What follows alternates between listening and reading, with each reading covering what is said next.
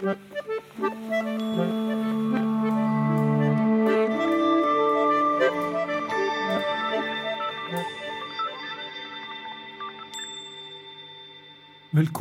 til eh, podkasten Ytringsklima. Her snakker vi sammen om hvordan vi snakker sammen på jobb. Mitt navn er Øyvind Kvalnes, og i studio i dag har jeg fått med meg professor Arne Karlsen. Velkommen i studio, Arne. Tusen takk, Øyvind. Takk for invitasjonen. Du er jo en av de mest, for ikke si den mest kortreiste gjesten, fordi vi har jo kontor ved siden av hverandre. Ja.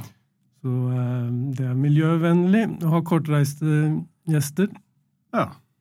Men eh, grunnen til at jeg har invitert deg, er at jeg vil at du skal hjelpe oss til å forstå dette begrepet skapende motstand.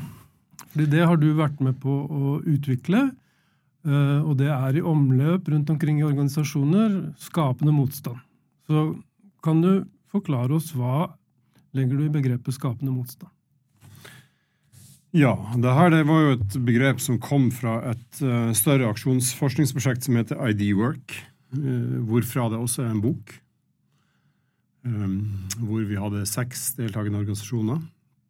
Blant annet Snøhetta og Equinor, uh, med leteavdelinga i Equinor, og advokatfirmaet Thommessen og Point Carbon. og i dette prosjektet så hva er vi ute etter? Hva er det som gir fart i, i idéskaping? Hva er det som virkelig gir kreativitet? Hva er det slags praksis som skaper kreativitet i organisasjoner? Og når svinger det ordentlig? Hva er, det, hva er kilden til det ekstraordinære? Og en av de tingene som kom frem ganske tidlig i dette prosjektet, det var behovet for skapende motstand. Begrepet var vel først, eh, kom vel først fra Snøhetta med Marianne Sætre, som var en av seniorene der. Uh, og som snakka om det som en, en, en, kvalitet ved et prosjekt som det virkelig svinger av. Det si at Min jobb som prosjektleder det er å søke motstand i prosjektet. Det er den som kan tenne oss ordentlig, det er den som kan få det til å gnistre uh, i vårt samarbeid. Så søke det vanskelige. Eh, så Siden så har vi utvikla det videre. Så nå har vi liksom definert det til at det handler om å bruke tvil og friksjon og motsetninger og kritikk aktivt for å få til utvikling. Ja, Betyr det at eh, begrepet skapende motstand er i utvikling, eller legger det fast hva som er eh, fanges inn av det begrepet? Jeg tror det er i utvikling. Ja. Jeg, tror det, jeg tror at den teksten vi skrev om det for uh, ja, det er, vel, det er, vel, faktisk ti år siden. Den, den, den holder fortsatt vann, men eh, det kom ganske mye nytt. Ja. Og jeg tror at den er i utvikling fordi at det er et, eh, et begrep hvor du ikke kan ha fasitsvar før du går inn i en situasjon. Så det, det handler om eh, Og det å gi skapende motstand er betinga av en situasjon. Ja. Og interaksjon i en situasjon. Så vidt jeg forstår, da, så er kjernen i dette å behandle tvil, friksjon, motsetninger og kritikk som et redskap for å stille spørsmål ved vedtatte sannheter i prosjektet. Ja, så Og den her, det her er jo en, en, sånn forståelse som har vært litt i bevegelse. Vi har jo eh, Sånn som vi tenker rundt det nå, så handler det ikke bare om uh, motstand i forhold til ideer, men også motstand som vi som enkeltpersoner er avhengig av å ha. Ja. Kanskje som ledere, ja. som fagfolk, som professorer, um, som prosjektet er avhengig av, og som organisasjoner er avhengig av. Så, så, vi tror jo rett og slett at for å hente ut uh, det som er virkelig ekstraordinær skaperkraft, så er vi avhengig av å bryne oss hele tida på skapende motstand. Og noen ganger så må det her være ganske skarpt. Nettopp. Det å være skarp, det kan jo ta motet fra folk. Ja. Så, så, det er en risikosport, dette her, å yte skapende motstand til en annen. Ja. Så, eh, så nevnte jeg i starten at uh, en del av det her handler om å søke det vanskelige. Uh, men en annen del handler om hva du gjør relasjonelt. Og når du uh, skal, hvis sko, motstand skal bli skapende relasjonelt, så tror jeg at det, det er to ting du må, du må tenke på. Tenke langs to akser. Den ene er en, en, å gi en eller annen form for direkte utfordring. Som er radikal, oppriktig. Som er ærlig nok. eh, Og uten omsvøp til den andre skjønner hva er, det dreier seg om. Sånne utfordringer kan også gis ved et spørsmål, så det behøver ikke være, komme som en påstand.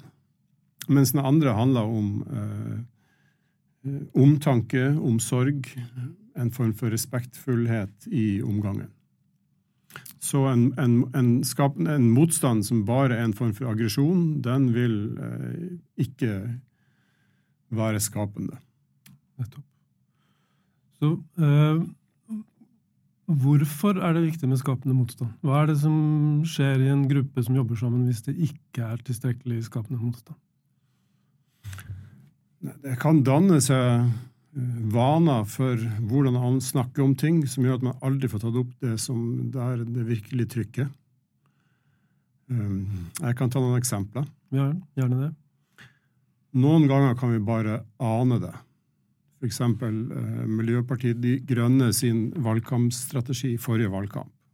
Liksom, man aner at her måtte det ha vært en mangel på skapende motstand i forhold til at man ikke tok den store muligheten som i, i, lå der med å gjøre det her til sin valgkamp. Uh, man kan se det på i forhold til uh, pendlerordninga til Stortinget, eller filmen Amundsen. Fantastisk råmateriale, fantastiske skuespillere, fantastisk visuelt. Men det var et eller annet som de klikka ikke helt på plass.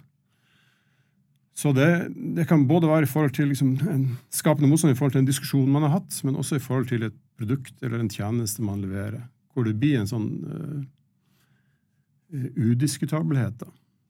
Og hvor sannheten kanskje er i korridorene, og ikke der han bør, bør være, i de felles samtaler man har rundt det man skaper. Nettopp. Så det vil si at uh, vi kan være en gruppe som skal prøve å få til noe sammen.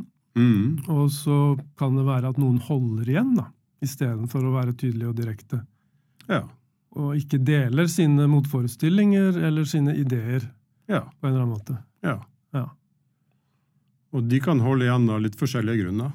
ja. Så øh, hva tenker du Hva tenker du er de viktigste grunnene til at folk holder igjen? Jeg har jo satt merkelappen taushetsmysteriet noen ganger på dette her. Altså, vi kan skjønne etterpå at det var noen i rommet som hadde noe viktig å si, Ja. men så lot de være å si det likevel. Ja. Uh, og jeg har jo flere ganger spurt forskjellige grupper hva er det som kan være årsakene til tausheten. Ja. Og det kan jo være alt fra at den andre pleier å bli så sint tilbake, til at eh, den andre er så skjør og sårbar at jeg vil ikke legge ekstra byrde på. Så det, det er veldig stor variasjon i hva slags årsaker det kan være til at folk holder igjen. ja, det tror jeg er veldig godt sagt og godt sett. Og jeg tror det, det er litt av grunnen til at øh, begrepet har en sånn aktualitet hele tida. Fordi at det, de sakene vi står i, de situasjonene vi står i, det er så forskjellige. Så for eksempel når vi har diskutert det her med ledere, helseledere i det programmet for, øh, for primærhelsetjenesten, så øh, kommer det noen ganger opp saker som har med sykemelding å gjøre. Ja. Hvor noen har en aktiv fritid som vises veldig tydelig på Facebook, samtidig som de er sykemeldt. Og det er kanskje problemer med å få tak i vikarer, så hverdagen blir mer travel for de andre. Og det kan være en kinkig situasjon som leder. Hvordan går du inn i det? Det kan være misnøye og kanskje mistro til den som er sykemeldt. Og det er jo en, en, en, en situasjon som ikke lar seg pakke ut gjennom harde påstander. Man må liksom undersøke hva er det som ligger i det her. Hva er det som ligger i, i hvordan den andre egentlig har det. Ja. Og kanskje som må pakkes ut gjennom, gjennom spørsmål. Mens en annen situasjon kan være mye mer sånn uh, Har behov for en, for en umiddelbar utfordring. La oss si at du, at du oppfatter at en av de ansatte har en helt annen medisineringspraksis enn de andre. Mm. Medisinerer tre eller fire ganger så mye som de andre. Samme type pasient. og du får en mistanke om at lederen, denne, denne personen spiser av lasset. Hvordan gjør du, Hva er skapende motstand i den situasjonen? Mm. Vil være en sånn forståelsesfull utbakking, eller hvor direkte må du være før du virkelig tar det opp? Ja, for det vil da være et eksempel på skapende motstand. At du som leder tar tak i det og adresserer det. Ja, Hvis du ikke tar tak i det, så blir det i hvert fall ikke skapende motstand. Så det er jo en første skritt på veien. Men det er ikke, det er ikke gitt at alle måter å ta tak i det vil være skapende. Nei. Så det, dette betyr at én type skapende motstand handler om eh, å ta tak i en uheldig praksis, eller en praksis som du ønsker å ikke bare skal fortsette, i hvert fall uten at det er reflektert over om dette er en riktig måte å gjøre ting på. Ja. Og, og det eksempelet jeg, jeg tok nå, den, den, eh, det hadde vi i en klasse en gang, og da var det en som satt på bakerste rad, og som eh, eh, etter diskusjonen sa at grunnen til at jeg sitter her i dag, det er at uh, noen utfordrer meg direkte på det. Ja. For jeg er rusmisbruker, og jeg var i den situasjonen hvor jeg spiste av lasset, og det var noen som torde å utfordre meg direkte nok på det. Mm. Så det er jo en situasjon hvor det kreves ganske mye utfordring og mye sånn Hva tenker du om ti, tidspunktet for å yte skapende motstand? Ja. Eh, jeg har inntrykk av, når jeg har, øh, undersøker dette her, så tenker jeg at øh, det er fristende å vente og se. Vente og se, men at Mm. ofte så blir det tyngre desto lengre du venter. Mm. Eh, og at eh, det ofte handler om å ta et initiativ når du observerer det, og I selve situasjonen. i situasjonen. Ja. Mm. Ja, og det som er da det sånn eh, hjelpsomt eller forlokkende her, da, det er jo at eh, kanskje til trøst er at det viser at eh, de, opp, de utforskende spørsmål er kanskje det aller viktigste redskapet vi har for skapende motstand. Eksempel av typen Øyvind, hvordan tror du vi andre oppfatter at du gjør det du gjorde i den situasjonen? Nettopp. Eller er du interessert i å høre hvordan jeg oppfatter det? Ja. Det er egentlig ganske sånn utfordrende spørsmål. Ja. Uh, og neste type spørsmål kan være den type sånn diskusjon som vi hadde her. Hva bør, egent- den er seg å være vanskelig. Hva bør være kjørereglene i fellesskapet for denne type eh, uenighet, eller denne type vanskelighet, eller denne type utfordring? Hvordan kan vi, hvordan kan vi som miljø bli enige om en, Mm. en måte å håndtere det på? Det høres veldig fint ut, syns jeg òg. Men jeg tenker jo det det er også at det initiativet har større gjennomslag hvis det kommer ganske tidlig, Mm. framfor at det kommer etter fem år. Ja. Hvor det kanskje har vært eh, sementert en praksis som Ja. mange reagerer på. Ja. For da vil jo kanskje den andre, den som kanskje har hatt en unote, tenke hvorfor har dere ikke snakket med meg om dette Ja. tidligere?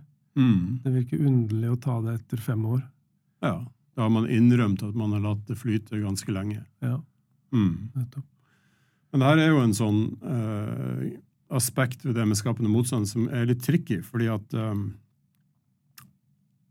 av og til hvis, hvis et samarbeid skjærer seg, eller det er noen sånn udiskutabelheter som har fått satt seg så sterkt, så krever det egentlig en, en, en investering. Investering av tid og energi, og ta det opp. Så det letteste kanskje er å la det flyte. Og vi klarer aldri å yte nok motstand til alt som er problematisk rundt oss. Så det er alltid selektivt. Det er et sånt valg. Hva er det vi eh, retter vår oppmerksomhet på? Hva er det viktig å virkelig få fremgang i? Og få, få skapende motstand i da. Vi har jo en felles bekjent eh, i Helsinki, Mm. eh, filosofen Esa Saren. Og han har et begrep om at eh, folk er tilbakeholdne. Ja. People are holding back, sier Esa. Ja. Um, hvordan tenker du at det er koblet til skapende motstand? Jeg tror det her er en av de grunnene til at, uh, at man ikke får det til. og Det ESA sa, det resonnerer veldig med, med sånn som man tenkte i bedriften Pixar lenge. Hvor man sa at uh, den mest avgjørende kvaliteten ved vårt kreative samarbeid, det er det at vi ikke holder tilbake. Mm. Og det er ferskvare. Men i det øyeblikket sannheten er i gangene, så har vi tapt. Så vi er avhengig av at vi er direkte, oppriktig, eh, i situasjonen, i tide, påtale det som ikke fungerer. Og alle de ideer som, som, vi jobber med, de er i utgangspunktet ganske dårlige. Så de er avhengig av denne direkte skapende motstand i mange ledd før det blir bra nok. Og, og da var det jo nettopp denne her med at eh, det er naturlig for folk å holde igjen. De er redd for å dumme seg ut, redd for å stille spørsmål som ikke virker klok nok, redd for å såre andre. Så jeg tenker at det betyr eh, at eh, noen ganger så må man rett og slett ha en sånn bevisst handling på å skape seg det rommet. Man kan ikke bare tro at hvis vi sier at nå skal vi ha skapende motstand dere, så kommer det av seg sjøl. Kanskje må man eh, gjøre noen, noen grep for å, for å, utvide rommet som tolererer direktehet. Tenk at det er noen som hører på denne samtalen og så tenker at eh, jeg jobber et sted hvor det ikke er tilstrekkelig skapende motstand. Vi eh, lytter til hverandres ideer, og vi nikker og smiler, og så går vi videre. Selv om vi kanskje har noen motforestillinger. Eh, så vi er for snille mot hverandre, på en måte. Ja. Eh, hvordan tenker du deg at det er best å, å, starte en sånn prosess for å innføre skapende motstand i en gruppe hvor det ikke er høy grad av det? Jeg kan si uh, to eller tre grep, uh, så, så, på litt forskjellig nivå. Og det, det ene som er kanskje det mest nærliggende, det er å trene på det. Så hvis du har en seanse hvor du diskuterer jevnlig vanskelige saker, det kan være behandlingssaker på en helseinstitusjon, eller det kan være eh, for en rettssak, strategi for en rettssak for, for en, en, kunde i et advokatfirma, eller det kan være at man eh, diskuterer et geologisk prospekt. Eh, og så, så, I gjentagende situasjoner hvor man er avhengig av høy kvalitet i diskusjonen så kan man trene på det. Så du kan designe en seanse hvor uh, du rett og slett sier at det her kvarteret, eller denne halvtimen, så skal vi opp med alle motforestillingene. Eller vi skal spille motparten. Eller vi skal brainstorme hva kan gå galt. Eller brainstorme hva, hva er det som ikke kan, muligens ikke stemmer med måten vi har håndtert det her på før. Og da sier forskning at hvis du bare later som da, hvis du tar på kritiske hatter og kommer med innvendinger som ikke du egentlig mener, så, så, virker det ikke. Så det må være genuint. Så du, du Hva vil det si at det må være genuint? Må du trene på en reell sak, eller er det en annen måte å gjøre det? Ja, Du kan ikke sitte og finne på noe som egentlig ikke er motstand. Du må, du må liksom eh, du må grave i den situasjonen som er, for å komme frem til noe som noen virkelig mener ikke er bra nok, eller som vi må jobbe mer med. Så det må være genuint. Ja. Det kan ikke være et, et, eh, rent rollespill. Da virker det ikke. Så det er det ene. Vi kan trene på det. Mm. Eh, og vi bør trene på en mest mulig realistisk situasjon. Ja. Hvor det er noe som står på spill på ordentlig. Ja. Så det ikke bare er lek og moro. Ja. Og, og noen ganger så må du trene flere ganger før det sitter. Ja. Kanskje ha den første ordentlig hete krangelen og overleve den før du tenker at det her sitter. At vi har hatt folk fra uh, Finn, Børsen Marsteller, eh, mange helseledere, eh, oljeletere, folk fra toppidrettsmiljø som har prøvd å trene på denne her. De, en av de erfaringene som er gjengs, er at du må, du må, ha, du må ha vært såpass, svingt såpass at du har hatt en ordentlig, ordentlig bra krangel før du kjenner at praksisen sitter. Jeg sitter og tenker at det kan være flere trinn i en sånn prosess, da, og at du gjerne også da kan ha en første, et førstetrinn hvor du leker. Ja. At du trenger ikke gå rett inn i gravalvoret, Nei. men kanskje ha en runde hvor du leker, og så blir du modigere til å ta de neste trinnene etter det. Det hørtes lurt ut. Og det med lek er jo en sånn uh, stor greie her også. Fordi vi har jo eh, Du kan si at eh, det du kaller, kalt for vennlighet i en annen sammenheng, eller lek, eller man kan også kalle vi har kalt det for frigjørende latter. Det trenger du mer av jo mer alvorlig det er. Kan du på hvorfor, Hvorfor er det sånn? Nei, Du trenger frigjøre deg fra det som er det gravalvoret, og tulle litt med det. og eh, det er mange til de tingene man står oppe i organisasjoner som er vanskelig. og da Hvis noen uh, kan spøke litt med det og ha det litt mer sånn um,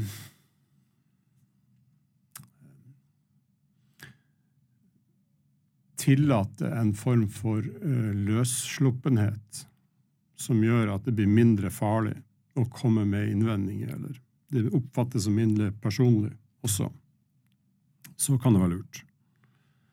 Igjen er det litt tricky, for det er ikke sånn at du kan kommodere latter. Nå, nå starter vi det her møtet med ti minutter fliring, dere. Nei for det, det minner meg jo på en, en fortelling fra en av de studentene som vi har eh, hatt felles, som Mm. skulle prøve ut frigjørende latter. eh, og som mislyktes med det, fordi hun startet et eh, veldig alvorlig møte med en litt fleip. Og folk så strengt på henne og sa 'hva er det du driver med'? Driver du og fleiper om så alvorlige ting som det her? Ja. Så, så det er jo prøving og feiling. Mm. Eh, I hvilke sammenhenger er det, det den frigjørende latteren kan mobiliseres? Mm. Og det er jo, det er jo sånn- relasjonelt kan det være um, virkningsfullt, men også krevende, for det har jo med liksom, bølgelengde å gjøre. Å finne tonen i interaksjonen som gjør at det, nå er det lov, nå passer det med å tulle med det her. Nettopp. Mm. Men tilbake til dette, da, at det, det kan være noen som hører på dette her, og som tenker at ja, skapende motstand, det vil jeg ha mer av Mm. på min arbeidsplass. To ting til. Så, da, så trening var det første. Mm. Ja, Den andre det tror jeg er rett og slett det her med kjøreregler. Av og til så går man seg fast på noen måter. Eh, Det er noe man prøver å få til i en organisasjon. Det kan være måten man kjører eh, møter på. Det kan være måten man eh, eh, tar opp eh, at noen ikke bidrar til fellesskapet på. Eller oppfatning av at noen ikke bidrar til fellesskapet på.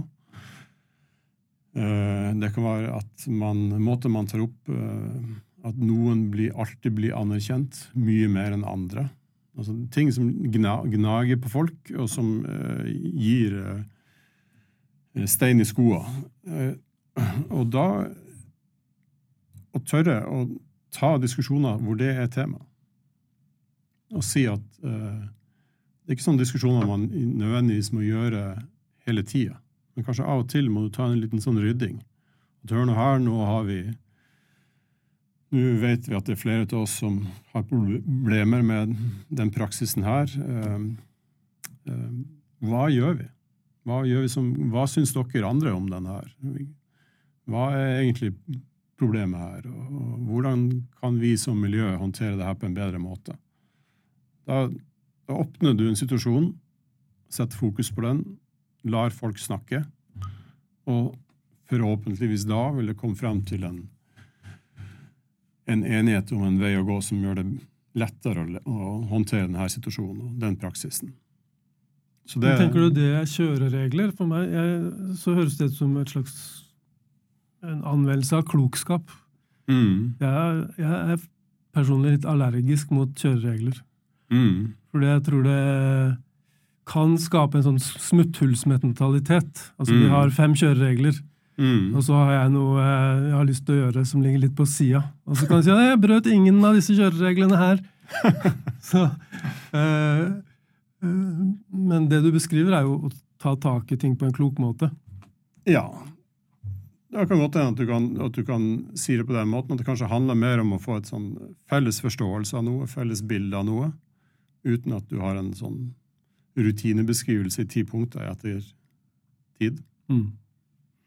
Så trening, en viss grad av kjøreregler. Og hva, Mm. hva er det tredje som skal til for å bygge Tredje, Skapende motstand? motstand? tredje tror jeg handler om oss som enkeltpersoner. Vi kan sjøl trene på hvordan vi gjør det. Og her er det tror jeg veldig få av oss som eh, kan hevde at vi gjør det rett alltid.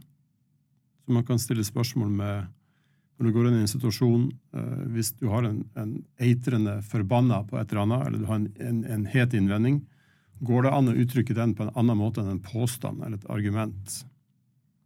Kan du, kan du åpne det her ved å stille et spørsmål som tillater den andre å Det kan godt være et utfordrende spørsmål som tillater den andre å, å fortelle deg noe du ikke visste.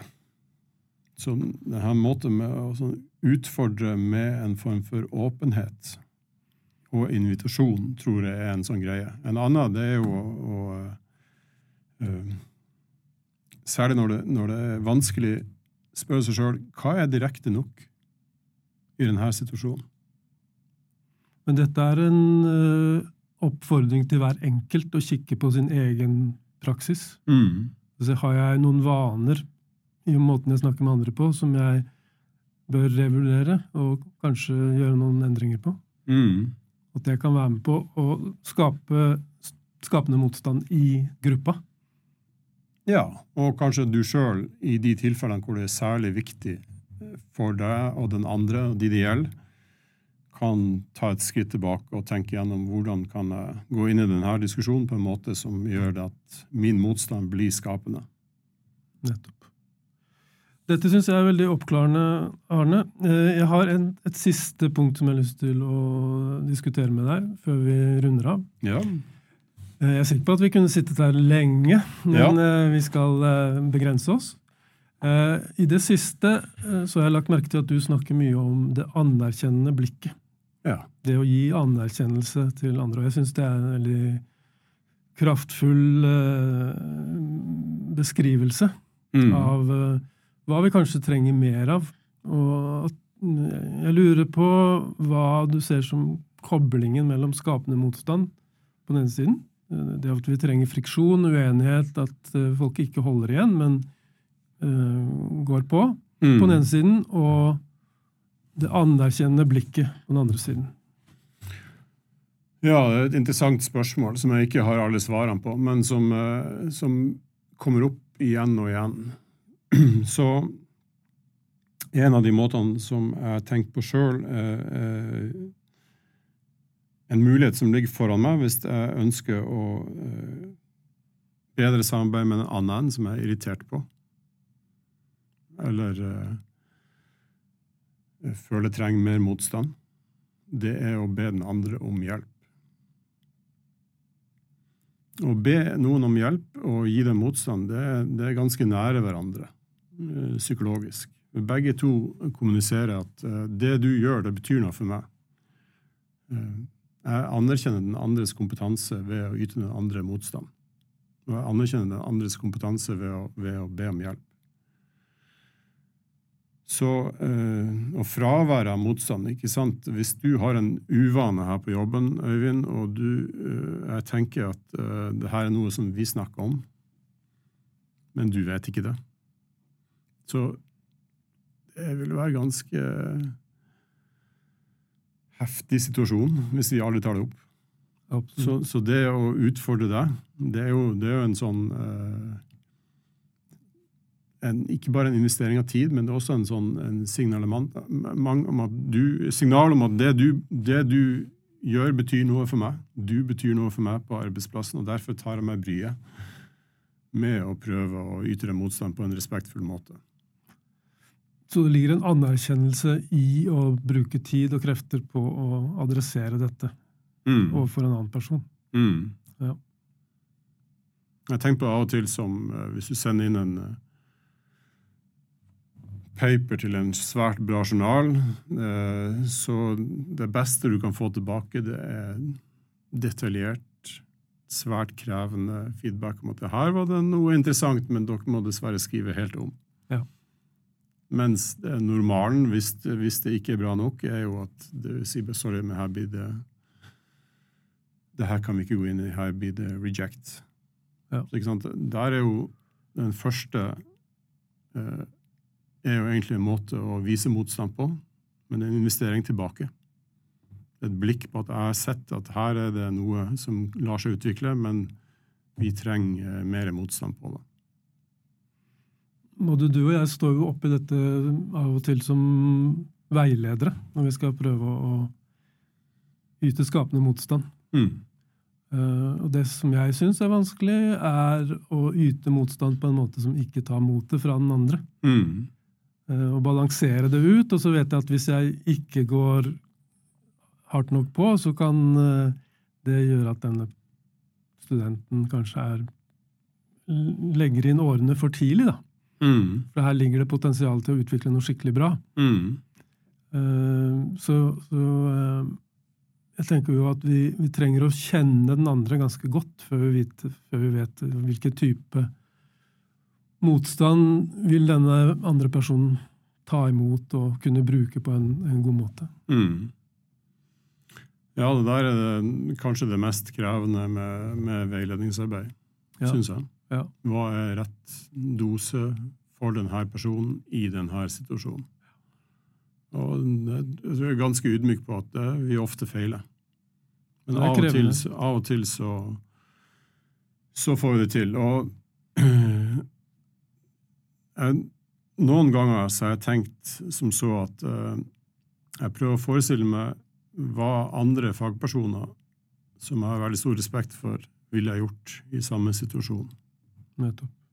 Så hva ville en som het Stuart Clegg ha gjort i denne situasjonen? Ja.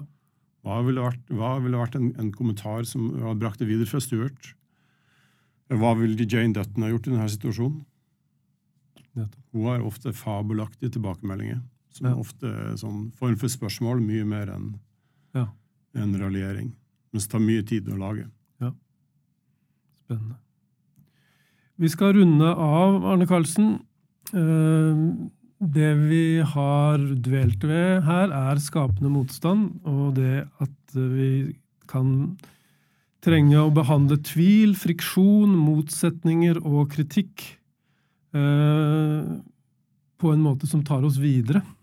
Mm. eh, Som gjør at vi klarer å utvikle ideene våre. Mm.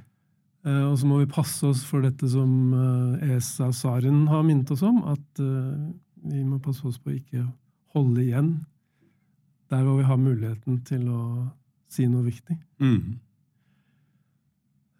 Du skal få siste ordet, Arne. Er det noe du vil legge til?